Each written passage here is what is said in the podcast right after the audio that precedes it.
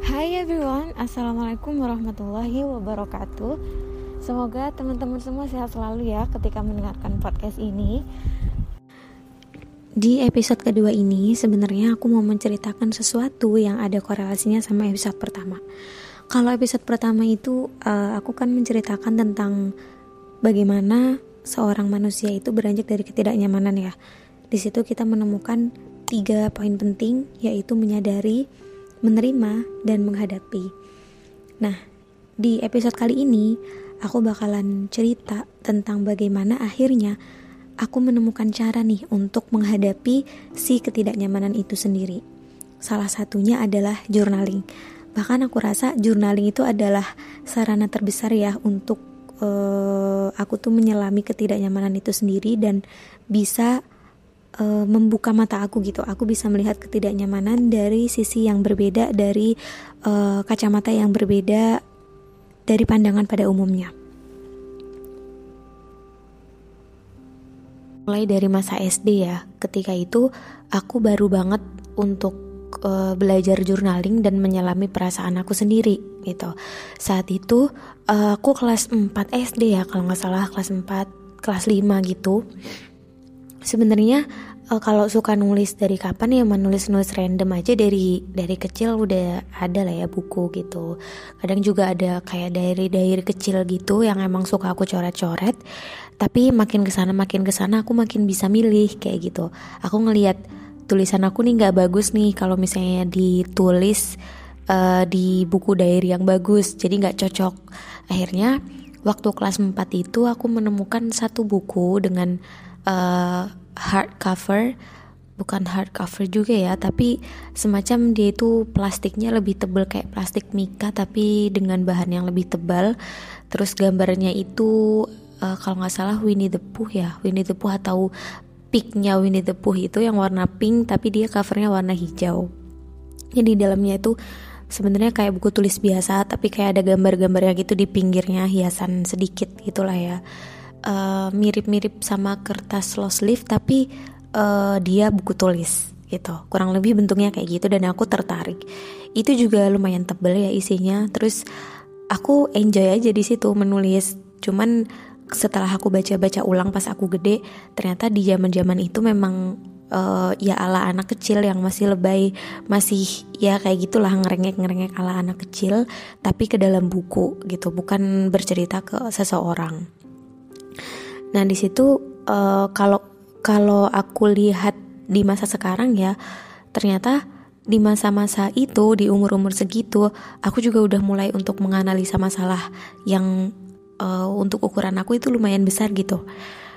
Dan aku mulai telusurin gitu kayak oh memang udah dimulai juga ya dari dari saat itu. Terus beranjak besar ya beranjak dewasa akhirnya makin makin lihai juga untuk bercerita ke da ke diri sendiri gitu. Sampai buku itu lumayan awet karena aku jarang journalingnya tuh lumayan jarang. Maksudnya ya nggak intens intens banget. Kalau ada momen-momen tertentu aja aku tulis di situ. Sampai akhirnya aku masuk pesantren. Singkat cerita aku masuk pesantren dan aku bawa buku itu juga ke pesantren. Mungkin sekitar satu tahun setengah ya karena kelas 1 SMP aku masih pakai itu. Uh, naik kelas 2 nggak tahu sampai akhir kelas 2 atau gimana tapi saya ingat aku kelas 2 tuh udah mulai habis bukunya.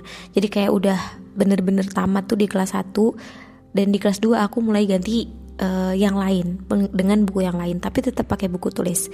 Nah di sini mungkin uniknya uniknya aku milih buku tulis itu karena aku nggak pengen orang itu tahu kalau aku lagi nulis diary gitu.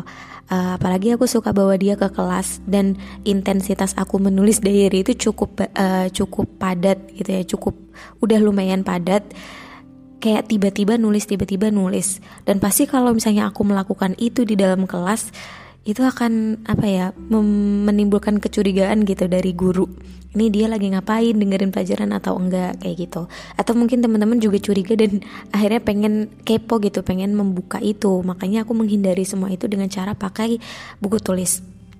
Berjalan kayak gitu terus sampai kelas 2, kelas 3, kelas uh, kelas 2, kelas 3, kelas 4 ya itu kelas 2 SMP, 3 SMP terus naik ke 1 SMA jadi ketika kenaikan kelas atau perpulangan liburan biasanya kan uh, aku beli buku ya pasti untuk pelajaran gitu. Tapi itu aku tambahin misalnya aku cuman butuh dua pack buku uh, aku satu pack lagi tuh untuk buku diary tadi gitu. Karena satu bulan itu aku bisa habis uh, dua tiga uh, buku tulis cuman untuk diary tapi tergantung ya maksudnya tergantung berapa halaman gitu. Berapa lembar 38 atau 58 kalau misalnya 5 kalau misalnya 38 lembar mungkin aku bisa habis 5 sampai 4 tapi kalau misalnya 58 mungkin aku cuman habis dua atau dua setengah kayak gitu dalam satu semester. Dan itu bener-bener butuh buku tulis banget gitu. Jadi aku udah siapin dari rumah uh, apa namanya satu pack itu untuk diary dan dua packnya untuk pelajaran gitu. Ya kalau misalnya aku butuh tiga pack buku pelajaran maksudnya buku tulis untuk pelajaran aku harus uh, beli empat pack satu lagi untuk diary kayak gitu. Kayak gitu terus. Ralat ya jadi uh, satu bulan itu aku bisa ngabisin empat buku tadi bukan satu semester. Jadi bisa dihitung aja. Ketika satu semester itu ada lima atau enam bulan dikaliin tiga atau empat ya segitulah biasanya aku menghabiskan buku tulis gitu. Makanya butuh satu pack banget. Sampai di kelas 3 SMP aku itu apa namanya hmm, pernah ditegur sama pengurus asrama aku ya kakak-kakak gitulah kakaknya itu kelas 2 SMA lah. Karena yang mengurus kita di pesantren itu juga sama-sama uh, seorang murid kayak gitu di asramanya. Kakaknya bilang kamu itu kalau misalnya lagi belajar jangan bawa buku diary gitu. Kamu jangan nulis diary kamu harus fokus untuk belajarnya kayak gitu. Terus di situ aku mulai kayak kesel ya karena aku nggak bisa kalau misalnya ternyata di tengah-tengah belajar aku pengen mengungkapkan sesuatu dan aku nggak bisa cerita ke orang aku pasti langsung nulis kan. Jadi nggak bisa dong ditahan-tahan gitu. Aku bukan tipe orang orang-orang yang bisa nahan untuk nulis diary nanti dulu. Karena kalau misalnya udah ditahan pasti akan menguap dan akan lupa tadi tuh aku mau menceritakan apa. Di situ aku sebel tapi ya maksudnya kayak sebel ngapain sih kakaknya begitu? kan gitu. Uh, waktu itu juga diary aku hampir diambil karena aku sering keseringan banget nulis diary gitu. Mungkin beliau melihatnya seperti itu ya tapi kayak pas lagi apesnya aja gitu. Dan lucunya dulu itu waktu kelas 3 SMP di asrama tuh kadang-kadang uh, pengurus kakak-kakak pengurus asrama itu suka ngisengin gitu suka ngambil dari aku tapi mereka nggak baca sih. Uh, mereka cuman iseng nulis-nulis di belakang buku aku yang masih kosong atau mereka gambar-gambar atau mereka tuh nanyain kamu tuh ngapain sih? kayak gitu-gitu tapi di kelas 3 itu juga aku mulai uh, punya diary yang lain kayak aku mulai bikin clipping. Terus abis itu biasanya kan di depan rayon atau asrama itu setiap Jumat ada koran. Nanti kalau misalnya korannya udah selesai dipajang uh, kan bakal dibuang kayak gitu. Nah korannya itu biasanya aku ambil aku potong topik yang aku suka gitu. Bahasan-bahasan yang aku aku suka aku jadiin clipping di dalam diary aku tapi dari yang lain ya. Maksudnya hmm, buku catatan yang lain yang itu tuh emang lebih bagus gitu modelnya. Di situ uh, aku emang nggak berasa banget. Aku bukan tipe orang yang bisa journaling dengan warna-warni uh, pulpen spidol kayak gitu. Aku cuman bener-bener butuh bolpen hitam, merah atau biru dan itu udah gitu. Tapi kalau waktu SD dulu aku masih tempel-tempel foto, foto keluarga kayak gitu. Kadang terus aku mendeskripsikan satu-satu. Terus makin ke sana makin ke sana aku makin kenal clipping tapi ternyata emang emang ada gitu tipe orang journaling yang colorful colorful dan ada juga yang uh, biasa aja gitu, yang bener-bener monokrom. Dan aku adalah manusia monokrom itu. Terus setelah itu aku mulai agak intens lagi dan mulai getol buat journaling dengan pembahasan yang menurut aku lebih berat dan kayaknya emang lebih uh, apa ya namanya lebih mengarah ke permasalahan hidup. Itu mulai kelas 1 SMA jadi uh, aku ngerasa naik kelas 1 SMA atau mau naik kelas 1 SMA waktu itu lumayan udah ngerti gitu kompleksnya masalah di pesantren tuh kayak gimana. Dan apa yang harus kita lakukan ke depannya itu udah mulai kerasa gitu. Makanya uh, udah mulai banyak nih yang diceritain dan kayaknya lebih berat dari sebelum-sebelumnya. Kan kalau misalnya sebelum-sebelumnya itu masih ya dibilang standar lah dan aku masih belajar dengan normal masih uh, apa namanya bergaul dengan normal juga. Masih aku rasa masih hidup aku normal-normal aja dan gak ada masalah apa-apa gitu. Gak terlalu kompleks seperti ketika aku naik kelas 1 SMA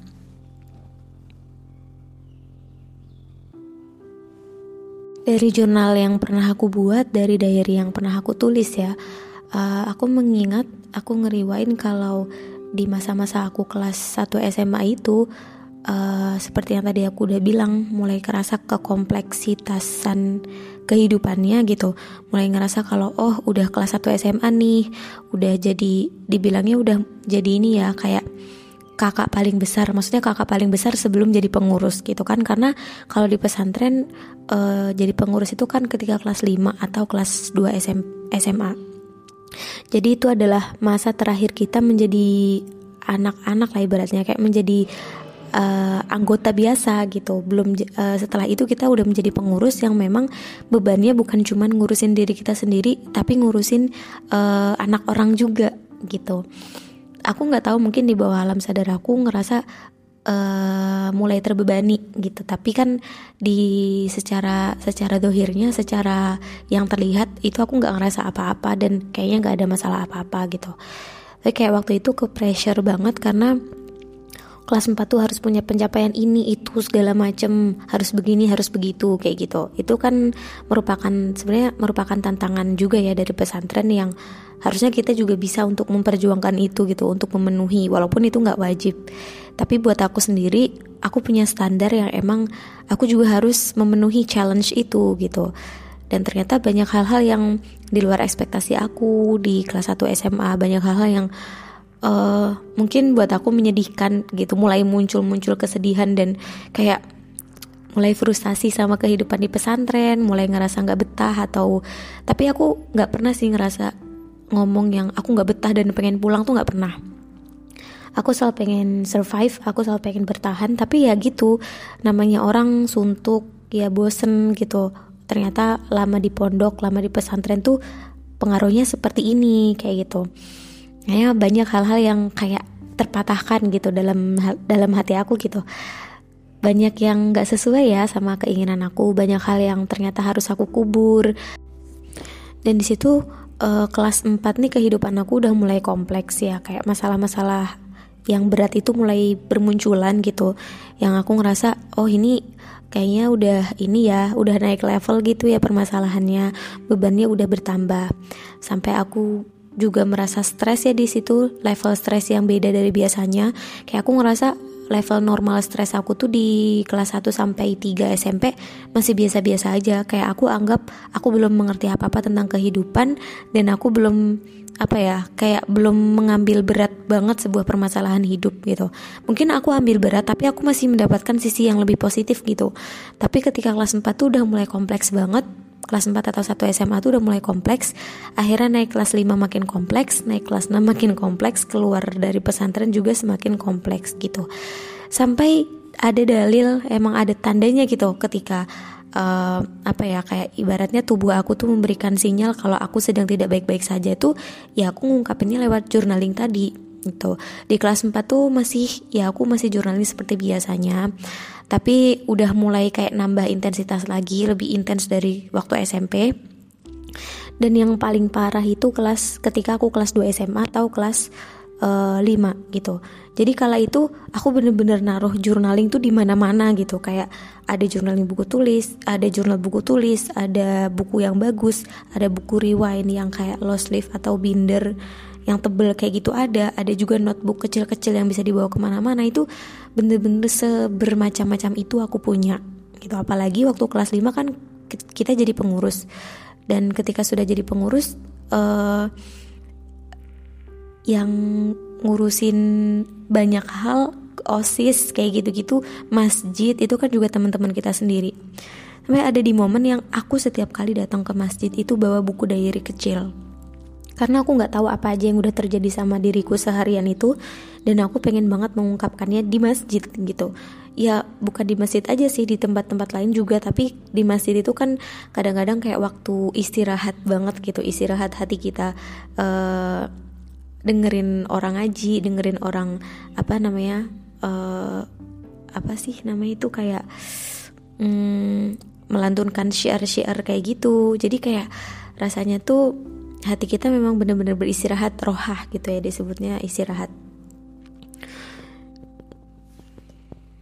Nah, aku gak akan merasa khawatir kalau aku membawa buku dari kecil atau jurnal ke masjid. Soalnya yang ngurusin masjid kan teman-teman sendiri gitu. Mereka gak mungkin ngambil buku dari aku kecuali kalau ada ustazah pengasuhan yang datang ke masjid lalu melakukan razia dan diambil gitu. Ini ini tidak patut dicontoh sih, tapi itu adalah cara aku bertahan hidup gitu kalau misalnya kelas 4 atau kelas 1 SMA apalagi kelas-kelas di bawahnya kan nggak mungkin membawa hal membawa buku dari kecil atau bawa-bawa apa ke masjid apalagi asik nulis di masjid. Karena pengurusnya kan pasti kakak-kakaknya gitu. Bagian keamanan lah bagian apa itu namanya takmir masjid atau taklim masjid itu uh, mereka bakalan merazia itu dan kita akan dapat hukuman. Tapi ketika kelas 5 kan kayak bebas gitu, lebih bebas. Ya udah ini kan teman sendiri, mereka juga pasti paham apa yang kita lakukan dan kesibukan kita apa gitu. Tapi bukan berarti kita apa akhirnya kayak suka-suka juga di masjid ya. Aku juga masih mengukur apa ya namanya? mengukur kadar menulisnya, mengukur kadar curhatnya gitu. Juga sembunyi-sembunyi juga tapi aku tetap bawa sampai itu bener-bener seintens itu aku ngelihat diri aku sendiri kayak parah. Hampir sebagian waktu yang aku punya maksudnya banyak waktu yang aku punya tuh habis di situ untuk curhat untuk menggalau lah ya bahasanya. Kayak kerjaan aku galau terus atau apa segala macem. Cuman ya itu itu tadi aku merasa bisa bertahan hidup dengan cara kayak gitu aku juga bercerita sebenarnya ke temen. Kalau misalnya aku percaya dengan orangnya aku juga sebenarnya suka cerita. Tapi nggak semata-mata aku cerita lalu masalah udah selesai bahkan biasanya aku nulis dulu aku menyelesaikan masalah aku dulu lewat journaling tadi baru aku cerita ke orang gitu. Kayak kok bisa sih nggak ngerasa nggak cukup ketika udah bercerita di buku tapi masih cerita juga ke orang? Ya ternyata emang orang seunik itu gitu beda-beda. Mereka ada yang cukup dengan bercerita ke orang cukup dipendam sendiri cukup dengan nulis atau bahkan e, mereka akan merasa udah cukup ketika bercerita dan juga e, udah nulis gitu. Kayak aku contohnya ya itu berlanjut sampai aku kelas 3 SMA sampai aku kelas 6 dan aku ngerasa tetap aja hidup aku sekompleks itu. Se se bener-bener se nggak mengenakan itu se nggak nyaman itu. Tapi ya namanya tidak nyaman itu bukan berarti kita harus lari langsung lari dari ketidaknyamanan itu gitu. Jadi selama itu aku juga berusaha untuk uh, uh, menyelesaikan ketidaknyamanan itu asalnya dari mana dan gimana aku harus menyelesaikan ketidaknyamanan ini gitu. Jalan apa yang harus aku tempuh supaya aku tuh terbebas dari ini. Dan itu bukan sesuatu yang instan. Untuk menemukan uh, jawaban itu aku juga butuh bertahun-tahun. Bahkan setelah aku selesai dari pesantren setelah menyelesaikan studi setelah menyelesaikan pengabdian dan aku uh, beranjak ke bangku kuliah kayak gitu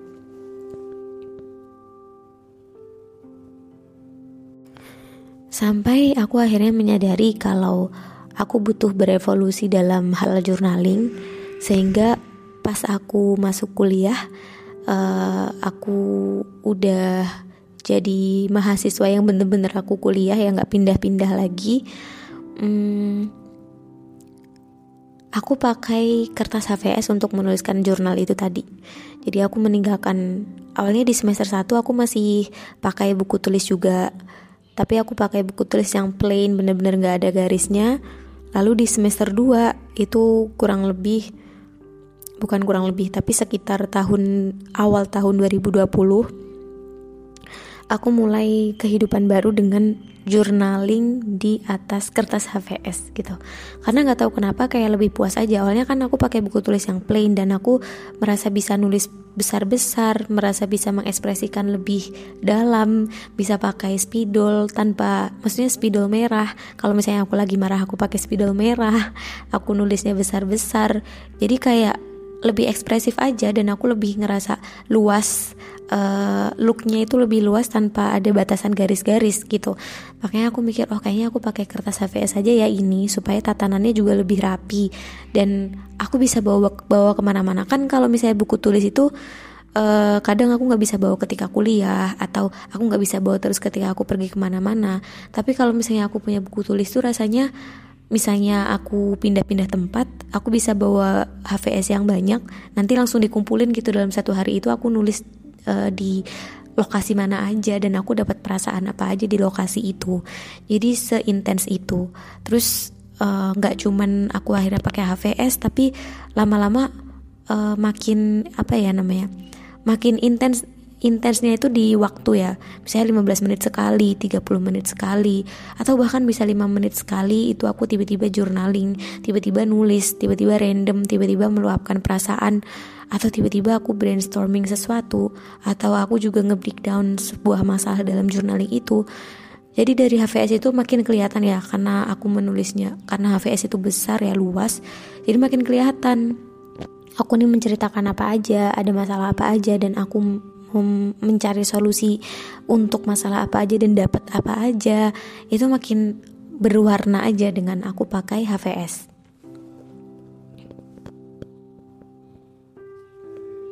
setelah aku uh, fokus sama HVS ya terus sampai sekarang pun aku masih pakai HVS dan aku mengumpulkan itu setiap bulan maksudnya aku aku bundle jadi satu bulan satu bulan gitu per bulan uh, terus dimasukin ke dalam ya ke dalam map map khusus jurnal aku gitu. Selain itu aku juga pakai jurnal digital. Waktu itu udah mulai pakai di tahun 2018 itu Google Notes. Aku pakai yang warna kuning aplikasinya. Dan itu juga udah langsung sinkron sama Google kan. Itu bisa dipakai di mana-mana. Tapi bisa dipakai offline juga sih sebenarnya. Tapi kalau misalnya lagi online di laptop ya kalau misalnya kita belum bisa masuk ke apa namanya Google atau Chrome itu pasti kita juga nggak bisa nulis apa-apa di situ.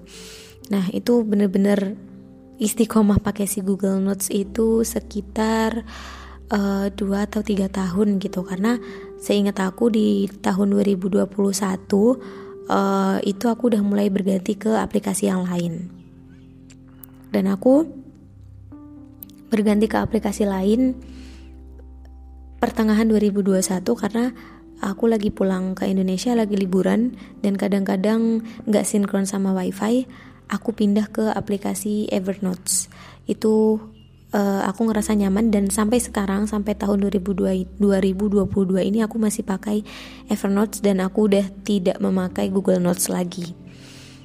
Cuman uh, dari semenjak 2021 itu aku lebih intens untuk journaling digital dan agak renggang dari jurnal apa namanya HVS ya.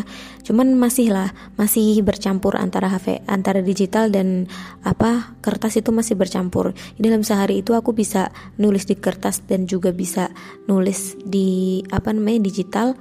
Ya nggak bisa dicampur juga tapi intinya dalam satu hari itu aku punya cerita yang berbeda kadang-kadang. Dan menceritakannya di lapak yang berbeda juga. Sampai uh, di tahun 2000 bukan di, ta di akhir 2021 tapi aku memulai untuk jurnal pakai iPad itu di tahun 2022 awal gitu. Karena biasanya kalau aku tahun baruan itu aku punya sesuatu yang baru juga. Jadi aku punya re, uh, resolusi baru lah. Dan aku udah mulai paperless aku meninggalkan HVS dan aku beralih ke iPad. Tapi ternyata Eh, nggak uh, ada gitu yang bisa menggantikan posisi apa ya bukan posisi nggak bisa menggantikan uh, kedudukan si kertas itu. Menurut aku ketika udah capek sama digital aku pasti bakalan kembali ke kertas. Dan aku merasa lebih mindful ketika kita itu nulis di kertas gitu. Kadang-kadang lebih lega ya lebih apa ya lebih kerasa kalau kita itu lagi curhat tapi ya macem-macem gitu tergantung mood dan perasaan aku kala itu bagaimana gitu. Jadi singkat cerita perjalanan journaling aku yang berganti-ganti hijrah dan beresolusi ke sana kemari itu tadi. Sekarang aku bener-bener uh, fokus di apa namanya di digital tapi sesekali aku masih kembali ke kertas gitu. Karena kalau misalnya aku pakai digital aku ngerasa lebih mudah ngetrack. Terus habis itu uh, masih masih ada gitu kelihatan wujudnya. Disimpan di drive atau di convert ke PDF itu masih bisa dibaca lagi dengan mudah. Tapi kalau misalnya pakai kertas tuh kadang udah lupa di mana tempatnya.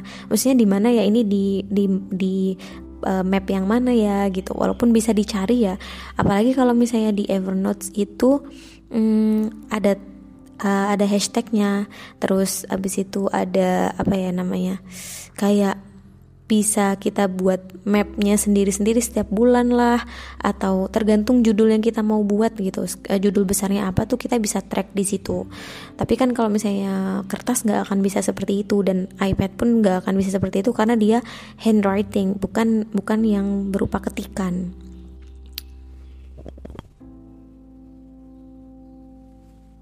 Jadi setelah aku menceritakan resolusi journaling aku tadi dari segi teknis terus cerita gimana aku bisa ngerasa kayak edik banget sama yang namanya journaling.